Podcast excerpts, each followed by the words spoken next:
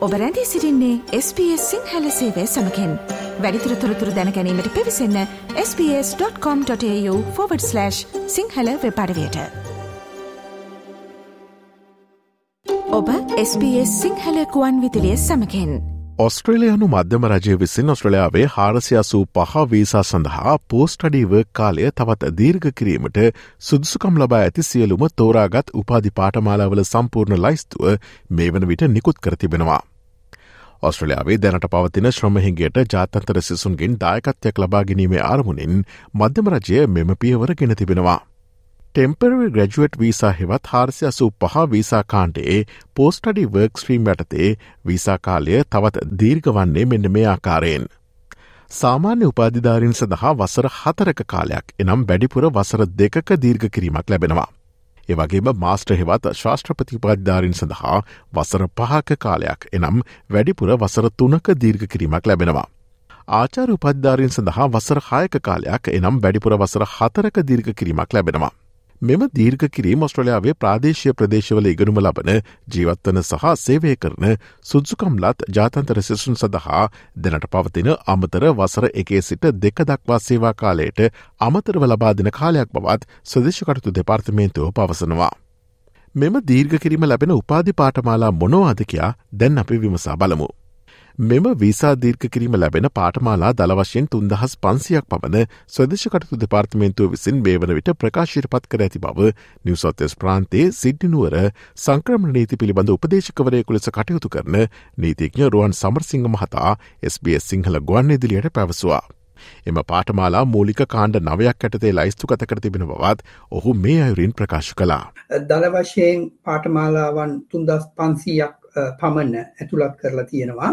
ඒක මූලික කණ්ඩායම් නමයක් ඇට ඒගොලු ලැස්තු ගත කරලා තියෙනවා. මං ස්ථාම සැකවෙන් කිවෝත් engineering ICT medical nursing allied health agriculture teaching uh, professional health diagnostic and other කියන කාණ්ඩ නමයක් ඇට තමයි මේක කරලා තියෙන්නේ. ඕනෑම උපාධි පාටමාලාවක් සම්පූර්ණ කළ විට මෙම වීසා දීර්ඝ කිරීම ලබාගත නොහැකි බවද නීතිච්ච සම්රසිංහ මහතා SBS ගුවන් නිදිලියට පැවසවා. සමස්තයක් වශයෙන් අපිට මේක පාටමාලාවක් කියලා කිවොත් ඒක අමාරුයි නිර්වචනය කරන්න හේතු තමයි පාටමාලා සහ යුනිවර්සිටි දෙකම මේකට ටෑච් වෙලා තියෙන ගැන අපි උදාහනකටකුත් මම යම් කිසි කෙනෙකුට ප්‍රදේශයක් දෙනවා bachelor of engineering mechanical engineering වා කරට පස්සේ වාට දැන් තියෙන අලුත් ක්‍රමය යටතේ අවුරුදු දෙක වෙනුවට අවුරුදු හතරක් ලබාගන්න පුළුවන් කියල මං උපදේශයක් දුන්නු ඒ උපදේශය වැරදි. ඒකට හේතු තමයි බැචල of මිකනිකල් එන්ජිනීරිං අපි බලන්න ඕන කොයි යුනිවසිටිවල කරපු අයටද මේ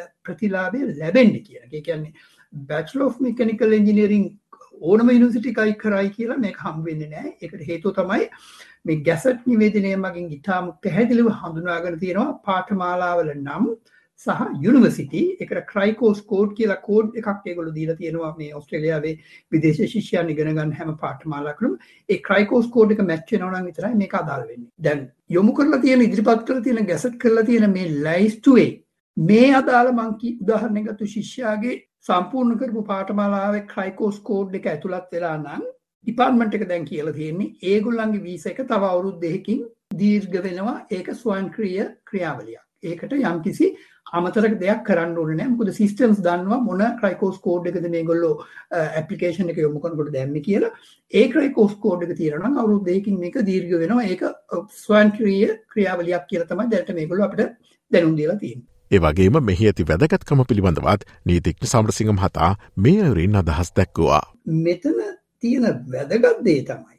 මේක ඉතාම හොඳ ටාටිං පොයිට එමතන් ආරම්භක ස්ථානයක් වෙනවා යම් කිසි කෙනෙක් මේ රටට ශිෂ්‍යවීසා බලපත්‍රයක් අරගෙන එන්ඩ කෙනෙක් බලාපොරොත්තු වෙනනම් මේ ලෑස්තුව හොඳ මාර්ගෝපදේශයක් කියලා ම දකින හේතු තමයි මේගොලු මේක ලෝන් ටර්ම් ලිස්ට එකක් හැටියට තමයි අඳුනගෙන තියෙන මම හිතෙන්නේ කෙටි කාලීනව මේ ලයිස්තු වෙනස් කරන්න බලාපොරොත්තුවක් තියෙනවා කියලා දෙපාර්තමේන්තුව මොකද පාඨමාලා කාලේ අඩු ගානේ අවුරුදු දෙක තුන හතර වගේ කාලයකට මේගොල්ලෝ මේක අවුරුදු පතා හෝ මාස පතා වෙනස් කිරීමේ අදහසක් මේ වෙනකොට දක්වලා නැහැ. එතකොට මම නැවත අවධාරණය කරනවා මේක ඊටාම වැදගත් වෙන්නේ. අනාගතයේදී පාඨමාලාවක් තෝරගන්න උත්සාහ කරන කෙනෙකුට මේක හොඳ ගයිඩන්ස් එකක්. මේ වෙනකොට අපිට මේ ගයිඩන්ස් එක තිබ්බේ නැහැ. මෙතෙක්කල් අපි කොච්චර සංක්‍රමණ නීති ගැන කතා කරත් මේ වගේ මාර්ගෝපදේශයක් අපි දැක්ක නැමේ මාර්ගෝපදේශය හොඳ ආරම්භ ස්ථානයක්. එතකොට ඒගොලට දැනගන්න පුළුවන් මෙහිට ඉන්න කෙනෙක්ට මේරටේ මොකක්ද මේ අවශ්‍යතාවය? නිපුණතා අවශ්‍යතාවය කුසලතා හිකයක් තියෙනවනම් ඒක මොකක්ද කියලා හඳුනා ගැනීමේ ඉතාම හොඳ මාර්ගෝපදේශයක් මේකින් ලබා දෙන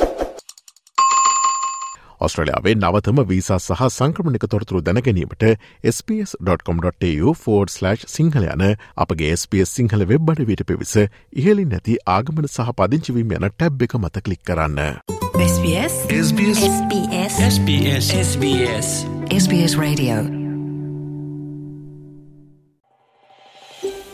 මේ වගේ තවත්තොරතුරු දැනගන්න කැමතිද.